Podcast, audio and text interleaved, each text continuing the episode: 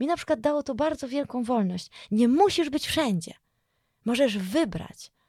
Możesz wybrać. To nic, że inni zdobywają w tym samym czasie kolejne szczyty. Ty jesteś tutaj i cieszysz się, bo ty chcesz tutaj wejść. I tu nie chodzi o pewien Mhm. komfort czy luksus.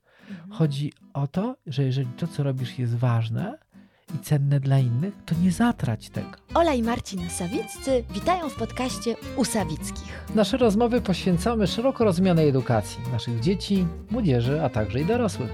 A dzisiaj chcieliśmy się podzielić wakacyjnymi inspiracjami. Może nie w ogóle wakacyjnymi inspiracjami, a inspiracjami związanymi z lekturami. Tak. Wakacje to jest taki czas, że człowiek sobie odkłada ileś książek, które mówi, Mhm. przeczytamy sobie w czasie wakacji, jak wyjadę. Oczywiście tylko Mhm. część z nich się udaje przeczytać, w ogóle jeżeli cokolwiek. Ale przyznaję, że w Mhm. tym roku każdy z nas miał takie książki, które nas na tyle zainspirowały, że drugiemu ciągle o niej opowiadaliśmy, prawda? To Więc właściwie moglibyśmy się zamienić. Zamienić, tak. Znaczy ja mogę dużo powiedzieć o książce czy książkach, Tak. bo nie, nie mówię, że przeczytaliśmy jedną książkę, ale chcieliśmy się akurat wybrany, wy, wybrany, wybranymi tu Mhm. podzielić. E, Zainspirowało to znaczy, że, że myśli związane z tymi książkami bardzo mocno chodziły nam, że tak powiem, po głowie, a na tych przełożyły się na różne rzeczy, które dalej staramy się czy wprowadzać w naszym życiu, czy w naszych pracach, w naszej pracy, rozmawiać ze znajomymi czy rodzicami. Mhm. To może zacznę ja. Tak? Oczywiście. Dziękuję, Olu.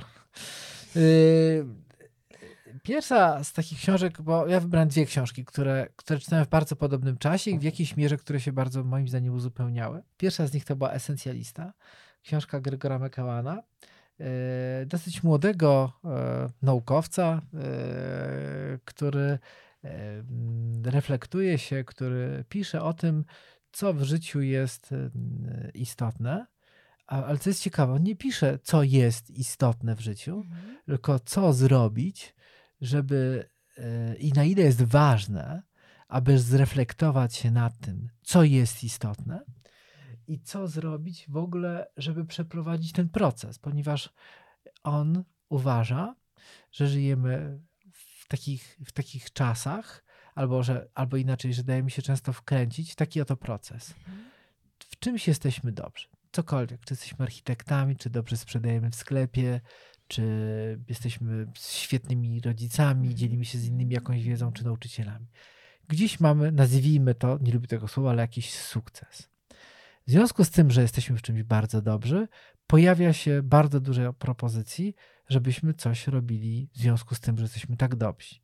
My jesteśmy pod wrażeniem, że wszyscy nas tak szanują, a z drugiej strony żyjemy w czasach, kiedy takich okazji warto nie przeoczać, gdy mamy takie, a nie inne propozycje i podejmujemy się, czy kolejnych ról, czy zadań. To Mhm. dotyczy także i dnia codziennego w domu, a Mhm. także, nie wiem, w prowadzonym sklepie, Mhm. firmie, przedsiębiorstwie, czy w Mhm. byciu nauczycielem. Mhm. Mhm. I podejmujemy się, podejmujemy się, podejmujemy różnych rzeczy i robimy już ich tyle, że giniemy w tych rzeczach i tak naprawdę warto sobie zadać pytanie i często przestajemy być dobrzy w tym, za co kiedyś wszyscy nas szanowali, że jesteśmy w tym tak dobrzy. Przestajemy się koncentrować na tym, co było dla nas tak bardzo ważne Mhm. i przez co dawaliśmy tak dużo innym ludziom jakiejś wartości. I on teraz y, w tej swojej książce mówi nam, że też żyjemy, że, że to dotyczy jakby i naszego życia, ale nie tylko dorosłego Mhm. życia, ale także życia nas jako, jako dzieci, młodych ludzi, którzy wchodzimy w, w życie. Mhm. I z kolei też opisuje nasz świat jako świat, jakiego jeszcze nigdy nie było. Nie, Mhm. nie względu na technologię tylko i wyłącznie, Mhm. na ilość tylko i wyłącznie informacji, tylko żyjemy w czasach, gdzie jest olbrzymia ilość opcji. Opcji, możliwości, rzeczy, które możemy robić, Mhm. czytać, oglądać, aktywności, które można podejmować. I e, mówi dosyć odważne, nie, wydaje mi się, że większość z tych rzeczy proponowanych nam to są po prostu śmiecie. To dla nas, dla naszego życia są rzeczy zupełnie nieistotne, które ani nam w niczym nie pomogą, ani nas niczym nie uszczęśliwią, ani nas niczym nie ubogacą. E, to jest śmieć. E, ale to jest tak, jak wiemy, no to, to nie trzeba zrobić do tego specjalnego podcastu, wszystko przedstawiane, że po prostu mam, mamy się tylko podjąć z różnych powodów zarobkowych, szacunku dla nas, prestiżowych, różnych, różnych, różnych. Mhm. E, I teraz kluczem jest nauczenie się tego, że mam wybrać, że mam poświęcić czas na refleksję nad Mhm. tym, co jest istotne, a co nie jest istotne. A jak już podejmę wybór, co jest istotne, to później muszę, powinienem mieć umiejętność decydowania i obcinania i nie podejmowania się kolejnych rzeczy. I tak naprawdę odmawiania. I ten esencjonalista więcej mówi o tym, o Mhm. takiej konsekwencji. Jeżeli jest coś ważnego dla siebie, świata, bliskich, twojej pracy, Mhm. skoncentruj się na tym i naucz się odmawiać, bardzo świadomie odmawiać innych rzeczy, e, które e, nie będą dla ciebie bardzo, dla, dla, dla tej sprawy istotne. I tu nie chodzi o pewien Mhm. komfort czy luksus. Mhm. Chodzi o to, że jeżeli to, co robisz, jest ważne i cenne dla innych, to nie zatrać tego. Mhm. To jest związane z bardzo głęboką refleksją, bo tu można by było tak sobie pomyśleć, no to trochę będzie tak trochę leniwiej. Tak, że, że to nie jest, co mi Tak, się to chce, a co nie chce, Trudne. co nie chcę, a, co, Mhm. a czego mi się nie chce, Mhm. tylko y, co, y, do czego jestem przekonany, po, warto, żebym podjął, bo to jest dla mnie ważne. Mhm. Y, to także nie tyczy tylko jakichś wielkich pryncypiów, ale także czasami takich drobnych rzeczy dnia codziennego, bo to może się przełożyć na mój dzień, Tak. na miesiąc, rok, a czasami na moje życie, na moją karierę, na mój zawód, na moje studia, Mhm. na różne rzeczy. Mhm. E, Interesujące jest to, że, że właśnie w kontekście tego, wy- wy- te- tego, tego wyboru on pokazuje, jak istotne są rzeczy, które, że to jakby tkwi jakby w samym jakby sednie naszego funkcjonowania. Na przykład mówię w języku angielskim, Mhm. że przez wcześniejsze 500 czy 600 lat Mhm. słowo prior, priority jako priorytet było tylko w liczbie pojedynczej. Nie było opcji, że było słowo priorytety. Jest jeden priorytet, to co jest najważniejsze. Mhm. Żyjemy w czasach, gdzie na rozmaitego kursach, szkoleniach, spotkaniach, w pracy, w szkole, na radach pedagogicznych, jakie są nasze priorytety. Jakie priorytety? Jeden priorytet, kiedy się nam, często, kiedy nam dorosłym e, każe się powiedzieć, jaki jest twój jeden priorytet w tym czasie, w tym tygodniu, w tym miesiącu, w twojej pracy, bardzo trudno dokonać nam takiego, te, te, te, takiej decyzji, co pokazuje, e, że być może zbyt mało poświęciliśmy czasu na to, żeby powiedzieć sobie, co, co, co powinno być najważniejsze. Na, na dodatek jest kolejne, jakby to jest też ciekawe w tej książce, że on pokazuje, jak słowa kiedyś trafnie oddawały y, sens naszego funkcjonowania.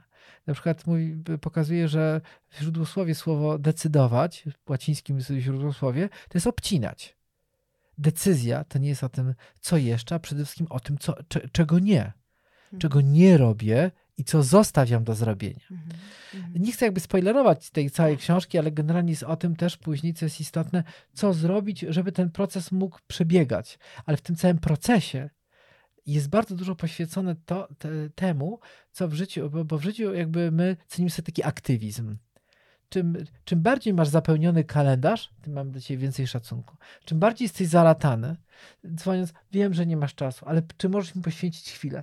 Aż masz ochotę powiedzieć człowiekowi, mam czas, właśnie dzwonisz do mnie w tej sprawie, którym ja się zajmuję, w związku z tym mam na to czas. Nie, aż się krępujemy, tak powiedzieć. Mówimy, no wiesz, no faktycznie, no nie mam czasu, no ale dawaj, no znajdziemy trzy minuty.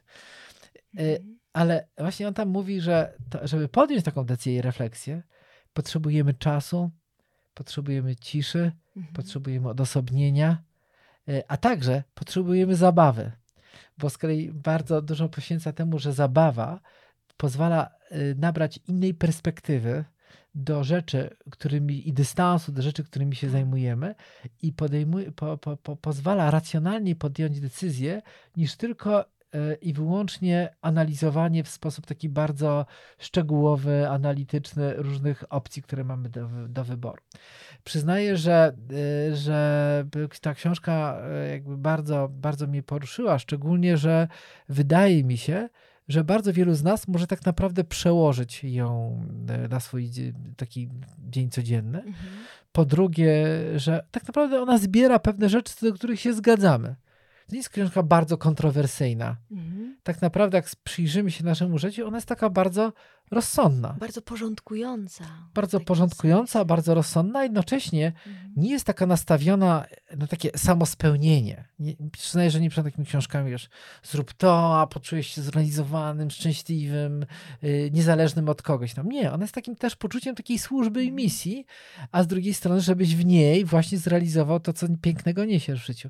No, no powiem ci, Olu, i powiem Państwu, drodzy słuchacze, że, że, że na tyle istotne, że, że nawet, nie wiem, w naszych gremiach pracy rozmawialiśmy ze Tak. Spiorą o tej książce i mi się wydaje, że ona zbudziła sporo refleksji Ja ciekawych. jestem w trakcie czytania. nie, nie, nie chcę się do końca wypowiadać, natomiast to, jak zaczęłam czytać tę książkę, to ona bardzo sprowadza na ziemię. Bardzo tu i teraz i, i bardzo daje wiele fajnych odpowiedzi, bardzo prostych, bardzo konkretnych wskazówek dla mnie na dzisiaj. Mhm. I, I to jest bardzo fajne, bo można właśnie zamyka się po trzeciej stronie, a już się chce to wcielać w życie, ale Tak. to jest bardzo też trudne, ale jednocześnie bardzo proste. To jakby nie ma o czym dyskutować. Tak, ale taką też książką drugą, O która, właśnie, która, tak. która, która w jakiś sposób niczy Koresponduje, bardziej nie? koresponduje z tą Mhm. książką. Dla mnie to jest książka Leniwy Umysł y, Adama Granta, którą, którą też tam kiedyś znalazłem w jakiejś półeczce w jakiejś księgarni. I to jest z kolei e, książka, która e, stawia taką, autor tej książki stawia taką tezę, nie tylko tak, bo sobie wymyślił, ale na podstawie różnych badań, że tak naprawdę nasz umysł jest bardzo leniwy. Mhm. Mhm. To znaczy, to badania dotyczące, że, że warto ten umysł rozruszać, ponieważ e, my bardzo często korzystamy z naszych doświadczeń. To ewolucyjnie ratuje nasze życie. I mając jakieś doświadczenia, Mhm. Zbieramy, to jest pewna suma różnych doświadczeń. Mhm. Paradoks też polega na tym, y, że w związku z tym, jeżeli nabieramy roztropności w związku z naszymi doświadczeniami, doświadczenie traktujemy jako coś bardzo cennego, w związku z tym, jak jest coś innego, traktujemy, traktujemy z wielką nieufnością i najchętniej robimy coś tak, jak już robiliśmy. Więc jeżeli ktoś nam mówi, że należy zrobić inaczej, to w ogóle rzadko kiedy podejmujemy wysiłek zastanawiania się, czy nie warto zrobić czegoś inaczej. Mhm. I autorowi nie chodzi o to, że powinniśmy ciągle wszystko zmieniać, ale chodzi o to, że powinniśmy się bardzo często reflektować i zastanawiać, czy aby czasami nie powinniśmy czegoś zmienić. I to jest bardzo trudne, bo on podaje taki przykład badań, które, które, które zrobiono, że i to, to jest taka przypadłość, która nie dotyczy ludzi, którzy są tak nie, wiem, nierefleksyjni, nieroztropni, mówiąc generalnie niemądrzy. Paradoksalnie to dotyczy ludzi bardzo inteligentnych, Mhm. uważanych za bardzo mądrych, bo co się Mhm, okazuje, że mhm. czym większe IQ, Hmm. tym łatwiej i szybciej zbierać ci przeróżne doświadczenia i wchodzić na poziom rozumienia pewnych zjawisk. Rozumiesz pewnych zjawisk, masz dużo doświadczeń, wiele perspektyw i pamiętasz je, bo masz naprawdę bardzo zdolności jakby duże, masz dużą pojemność tak umysłową. W związku z tym, tym bardziej utwierdzasz się w swoich poglądach. E, I w, w ramach tych badań stwierdzono właśnie, to poszła, powstała taka krzywa, która pokazywała, że czym więcej, czym bardziej jesteśmy mówiąc brutalnie, tak po, Mhm. powiecie, bystry, inteligentny i Mhm. ogarnięty, tym trudniej Mhm. przekonać cię do tego, że może istnieć inne rozwiązanie, być może lepsze. Mhm. E, Ale generalnie myśl autora jest taka, e, żeby w miejscach, w których jesteśmy, w pracy, w rodzinie, w szkole, ćwiczyć umysł i przygotowywać go do tego, że, żeby był gotowy na zmianę myślenia w pewnych sytuacjach. Bo jeżeli tak często powtarzamy o tym, że nie jesteśmy przewidzieć, jak będą wyglądały te czasy, jakie będą problemy, i tak naprawdę nasze dzieci będą musiały rozwiązywać problemy, których my jeszcze nie znamy i tak dalej, pitu Mhm. pitu, takie opowieści znamy, to jeżeli ten nasz umysł nie będzie do tego, nie będzie przygotowany do tego, że czasami trzeba zmienić myślenie, Mhm. To, to polegniemy. To nie będziemy mieli nawet tak jakby społecznie tego, tego czasami takiego koła ratunkowego w postaci jakiegoś procenta, 10 czy 20% ludzi, które odważa się myśleć trochę inaczej i podejmować refleksję nad czymś, co wydaje nam się oczywiste. Yy, bardzo wiem, że do tej, tej, tej książki jeszcze tam chyba Oli, tam za bardzo nie przyglądałaś Tak, tego. y, y, ten Ja leniwy jeszcze nie umysł. dotarłam, ale ponieważ chcieliśmy bardzo się podzielić, znaczy Tak, z, tak. wybraliśmy te trzy, bo one są bardzo, te dwie pierwsze zbieżne Tak. ze sobą, znaczy zbieżne. Jedną czyta się po drugiej, więc ja e, Tak, tak, tak. zaraz myślę sięgnę, natomiast no tak Ale Ola, jakby powiem ci, że twoja książka, którą ty zaraz powiesz, bardzo uruchomiła mój leniwy umysł. To powiedz parę słów, Ola, co ty tam ciebie tak zainspirowało w te być wakacje? Może to będzie dziwne, że dobraliśmy te trzy książki, ale być może dlatego je dobraliśmy, bo czytaliśmy równolegle, tak, prawda? Tak, I tak. dlatego to może tak się stało, a, a może ta sytuacja, w której czytaliśmy te książki równolegle, wywołała po prostu nieprawdopodobną ilość rozmów, dyskusji naszych tak. we dwoje i, e, i takich w ogóle jakichś niesamowitych inspiracji. To, e, ja chciałam się podzielić książką Dominika Szczepańskiego Czapkins, historia Tomka Mackiewicza. To jest jeszcze taki, jeszcze tak dodam może, że mm, ja bardzo kocham czytać e, książki, które są w ogóle związane, e, książki o górach, e, a szczególnie, zwłaszcza o Himalajach i o Tatrach. Może też dlatego, że jakoś tak od samego, od wczesnego dzieciństwa mnóstwo czasu spędzałam w Tatrach, więc Tatry, w następnych Himalaje jakoś mnie tak bardzo pociągnęły. Aczkolwiek to nie jest tak, że ja bym się chciała zacząć wspinać dzisiaj. Zupełnie nie. Ale jest to świat, który mnie nieprawdopodobnie intryguje, który gdzieś tam poprzez może jakieś osobiste konotacje y, rodzinne bardzo mocno w dzieciństwie dotknęliśmy y, i żyliśmy światem y, Himalajów na co dzień przez właśnie bardzo bliską nam rodzinę, która, której, której tata był, był po prostu Himalajistą.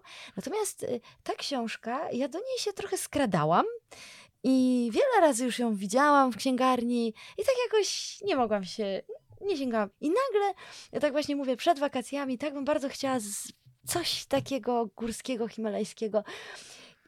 I wzięłam tę, y, tę książkę do ręki i po prostu absolutnie jestem pod wielkim wrażeniem. Y, człowiek, który napisał tę książkę, Dominik Szczepański, on podążył y, śladami Tomka. Od wczesnego dzieciństwa, dokonując wielu wywiadów z rodziną, y, aż po, aż po to miejsce, gdzie, gdzie Tomek zginął, czyli y, pod Nangę do Pakistanu, rozmawiając z pasterzami, z ludźmi, którzy bezpośrednio z nim bardzo dużo czasu spędzali, spędzili.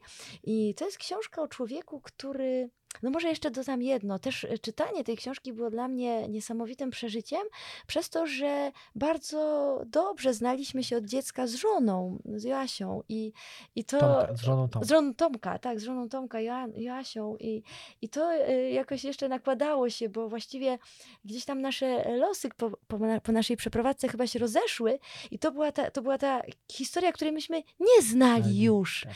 I, e, I to było jeszcze też takie bardzo mocno osobiste doświadczenie doświadczenie. Natomiast historia jest nieprawdopodobna i nie chcę tu absolutnie spoilerować, ale jakby wszyscy, wszyscy którzy gdzieś tam może słyszeli, te, y, zginął we, y, pierwszy, jako pierwszy człowiek w historii wraz y, z francuską Elizabeth Revol zdobyli zimą Nanga Parbat i, i, i on na tej Nandze już, już z tej Nangi nie zszedł. Też taka bardzo niezwykła właściwie chyba jedna z bardziej spektakularnych akcji ratunkowych, która odbyła się y, w poszukiwaniu właśnie e, e, Elizabeth i jego y, dokonana przez Polaków, którzy równolegle y, wtedy, w tym czasie próbowali zdobyć K2 i byli po, w bazie pod K2. E, tam właśnie Denis Urubko i Adam Bielecki odnaleźli ją. Coś Marcinku chcesz nie, dodać? Tak, ale co tak cię tak no zafrapowało właśnie, nie, w tych chcę, Dobrze, dobrze. Tylko właśnie chcę powiedzieć, że, że, że myślę, że wiele osób zna tę historię, bo było bardzo głośno o niej. Na na pewno też wszyscy słysząc tę historię tej śmierci, tej, e, tego szukania jego, myślę, że też bardzo wiele osób usłyszało o tym, że to jest człowiek, który wyszedł z narkomanii, z narkotyków. E, jego, jego ta historia właśnie wychodzenia, stawania na nogi, od, odkrywania życia na nowo jest też tutaj opisana, jest też nieprawdopodobna, ale mnie poruszyło zupełnie niezwykle to jego podejście do gór. Ja już teraz abstrahu, abstrahuję od, od tego, czy, e, czy to jest dobrze mieć rodzinę i, i dzieci, i, i góry. Jakby tego w ogóle nie chcę tu dotykać. To no. jest, myślę, osobiste każdego człowieka i, i w ogóle. Natomiast sposób, w jaki on fascynował się górami, sposób, w jaki on pragnął wejść na Nangę, która stała się dla niego górą, z którą no, y, on się po prostu bardzo głęboko zaprzyjaźnił. A w I ten to w jaki, było? właśnie, właśnie, to w jaki on sposób to zrobił, czy też to robił, bo y, dokonał sześciu prób, zanim to się stało. To jest ten moment, w którym e, te, te, kolejne em, porażki, tak? Sześć razy powracał, sześć razy wchodził i za każdym razem było to głęboko osobiste jego spotkanie z tą górą. I to, jak, on opisu, jak, jak, jak jest opisana ta, ta historia y, zdobywania tej góry, to w jaki sposób on samodzielnie, w ogóle wbrew wszystkim i wszystkiemu, nie mając w ogóle pieniędzy, kupując sznurek rolniczy w sklepie rolniczym, y, który zastępował muliny y, tam, gdzie się dało, Mhm. tak, bo, bo nie miał pieniędzy. To jak, to jak tutaj właśnie najbliżsi wspominają, jak z każdej wyprawy wracał w t-shircie, ponieważ nie miał pieniędzy, więc wszystko sprzedawał, żeby po prostu móc wrócić. Więc wracał prawie, y, prawie bez niczego. Y, To jak, y, jak właśnie dzielił to życie pod tą górą z tymi pasterzami, to co oni bardzo podkreślali, że inni przychodzili, korzystali z noclegu, coś zjedli, a on zawsze z nimi rozmawiał. Zawsze miał dla nich czas. I w, w tym środowisku był uważany za takiego outsidera, no bo to jeszcze wiele osób, tak, narkoman były, no w ogóle tak, nie, niepasujący do tego wszystkiego. A mnie tak nieprawdopodobnie uderzyło to, że on tam nie wchodził, bo się z kimś, y, się z kimś ścigał. Nie wchodził dlatego, że miał pełną obstawę. On wchodził we dwóch, wchodzili przeważnie we dwóch, nie, nie zawsze, tam czasami jeszcze ktoś z nimi więcej. Tych prób było sześć, ale y, y, to był człowiek, który, który był tak głęboko wolnym człowiekiem dla mnie. Mnie to tak uderzyło. Y, Wojtek Kurtyka, który tam na końcu książki, e, taki uderzający tekst o nim e, e, na końcu jest umieszczony, wypowiedź Wojtka, Wojtka Kurtyki, który pisze, że mm, jesteśmy, jakby przywykliśmy do tego, że w Himalajach te wyprawy liczące setki tych, e, tych tragarzy, tych pakunków, e, całe, ta, całe te góry oporęczowane, e, to wszystko zabezpieczone, że właściwie ci ludzie, którzy tam wchodzą, często są po prostu wypychani, wciągani, wsuwani na górę po, po stale dawno wytyczonych drogach, z zabezpieczeniem, ze wszystkim, żeby, żeby mieli pod ręką. A on w ten, w ten sposób alpejski, wchodzący y, lekko i, i, i wybierający tą drogę bez tych, tych, tych dziesiątek ludzi obstawiających, mi to przypomniało bardzo mocno y, to, co myślę, każdy z nas ma gdzieś jakąś taką dziedzinę. Myśmy sobie to przełożyli z Marcinem w naszych rozmowach y, na, na edukację, że można właśnie się wspinać i, y, i być cały czas umocowanym, przywiązanym do tych, do tych Obłożonych setek tym. metrów lin, tak, y, y, które już wcześniej ktoś wytyczył, kto, ktoś wyznaczył i nie wolno nigdzie w bok, bo wiadomo, niebezpiecznie, wszyscy się trzymamy mocno i jedni drugich popychamy do góry. A, a tutaj on pokazuje mi tak w tej, w tej przenośni właśnie na to życie, które jakoś nas bardzo fascynuje, życie, życie związane z edukacją, że, że można być tym outsiderem, że można to robić we własnym stylu, że można się z nikim nie ścigać, z nikim nie porównywać, że można się tym niesamowicie cieszyć. Tam jest taki epizod, jak. y, Równolegle wspina się taki bardzo znany himalaista Simon Moro z Włoch ze swoim przyjacielem, y, który jest, y, który jest narciarzem wysokogórskim. I nie pamiętam nazwiska tego człowieka, ale y, oni się dość zaprzyjaźnili, jeszcze będąc w bazie właśnie z Tomkiem. I gdy Tomek podchodził gdzieś tam do któregoś obozu, nagle znalazł takie miejsce, które ewidentnie było, pomyślał sobie, byłoby bardzo piękne do tego, żeby tam zjechać na nartach. I dzwoni na dół i mówi: Musisz tu wejść, musisz tu przyjść, musisz tu wejść, bierz narty, bo tu jest takie miejsce, na które, które sprawi ci na pewno frajdę. I on tam się wspiął do niego, zjechał i, i ten Włoch mówi, tutaj też wypowi- wypowiadając się w tej książce, mówi: Jedynie Tomek był w stanie ucieszyć się i, zau- i zobaczyć, zaobserwować, jak wielką radością są dla mnie narty. Nikt poza nim tego nie zauważył.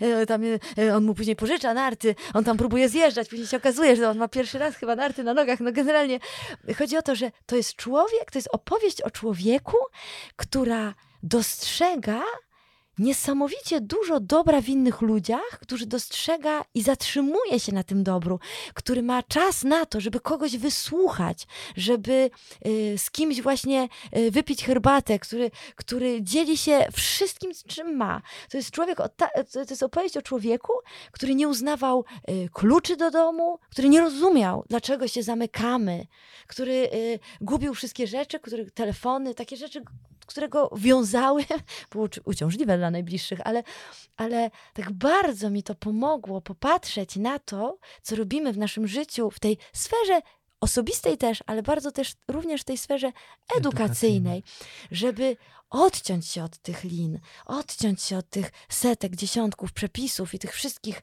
wytyczonych wcześniej szlaków, tylko żeby nabrać tego wiatru w żagle i po prostu się wspinać tam, no nazwijmy to w tym stylu alpejskim, nie patrząc na to, czy ktoś nas wyprzedzi, czy nas nie wyprzedzi, czy idzie równolegle, czy obok, czy już ma więcej uczniów, czy ma mniej uczniów, czy ma większe sto, lepsze stopnie, czy gorsze stopnie. No po prostu i też trochę nawiązując do tej książki e, Marcinku e, Esencjalisty, bo to wtedy tak równolegle czytaliśmy, mi na przykład dało to bardzo wielką wolność. Nie musisz być wszędzie. Możesz wybrać. Możesz wybrać. To nic, że inni zdobywają w tym samym czasie kolejne szczyty. Ty jesteś tutaj i cieszysz się, bo ty chcesz tutaj wejść. I to ci sprawia frajdę i porywasz innych, którzy tu wchodzą, albo, albo ktoś ciebie porywa, żeby tu wejść. No, książka, która naprawdę no, o górach, tak? I o niezwykłym człowieku, o człowieku, który, y, który jest świadectwem życia i, i zmiany swojego życia i, i zmiany życia, myślę, wielu ludzi w koło, ale książka, którą ja bardzo osobiście przeżyłam, bardzo, bardzo osobiście wzięłam wiele rzeczy do siebie i która daje mi niesamowicie dużo takiej wolności w tym, w tym co, na co się decyduje w życiu. Także o, zachęcam, jeszcze raz pokażę może. E, Chapkins opowieść o Tomku, historia Tomka Mackiewicza. Ola, tak opowiada się tym Czapkinsie, że no, nie, w ogóle nie mam nic do dodania. Hmm. Żałuję, że się nie poznaliśmy kiedyś, no bo Joannę znamy, hmm. także... Bardzo dziękuję za tę opowieść, bo mimo, że rozmawialiśmy bardzo wiele razy, to po prostu za każdym razem, jak słucham ciebie, jak o tym opowiadasz, to dla mnie to jest y, robi wrażenie, a, a z drugiej strony y, w jakiejś mierze to jest taki wielki skrót myślowy, nie urażając wszystkich, którzy wchodzą w jakiś sposób tradycyjny, czy poruszają Oczywiście się w edukacji w sposób jak, tradycyjny. Tak. W jakiejś mierze marzyłoby mi się, mi się wydaje, że nam się trochę, żeby jednak i widzimy się chyba bardziej w edukacji w tym stylu alpejskim. Okay. Tak. Jest to takie nasze, myślę, życzenie do takiej odwagi bycia sobą. Hmm. Kochania siebie. Y w tym, w tym, co się robi, a wtedy bardzo się kocha też wszystkich w koło. Tak, I w tych tak. swoich słabościach. Tak, swoich tak, tak. Dziękujemy za Twoją uwagę. Zanim pobiegniesz do innych spraw lub włączysz kolejny odcinek naszego podcastu, mamy do Ciebie prośbę. Zostaw swoją opinię o naszym podcaście, daj znać, co było dobrego oraz co moglibyśmy poprawić. Twoja opinia pozwoli nam tworzyć jeszcze lepsze treści oraz dotrzeć do nowych słuchaczy. Razem pokażemy, że edukacja może wyglądać inaczej.